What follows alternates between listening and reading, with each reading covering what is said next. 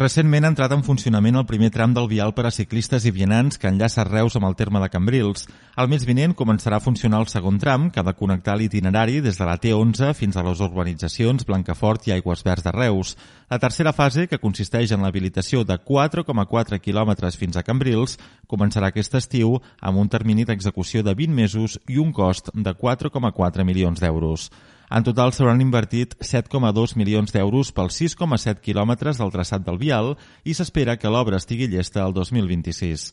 Les obres han rebut aquest divendres la visita de la consellera de Territori Esther Capella, la qual ha destacat que la intenció del govern és connectar les diferents vies i ciutats del país de maneres diferents i treballar per ampliar el conjunt de projectes de vies pedalables del Camp de Tarragona per relligar nuclis com els de Tarragona, Salou, Vilaseca o Cambrils.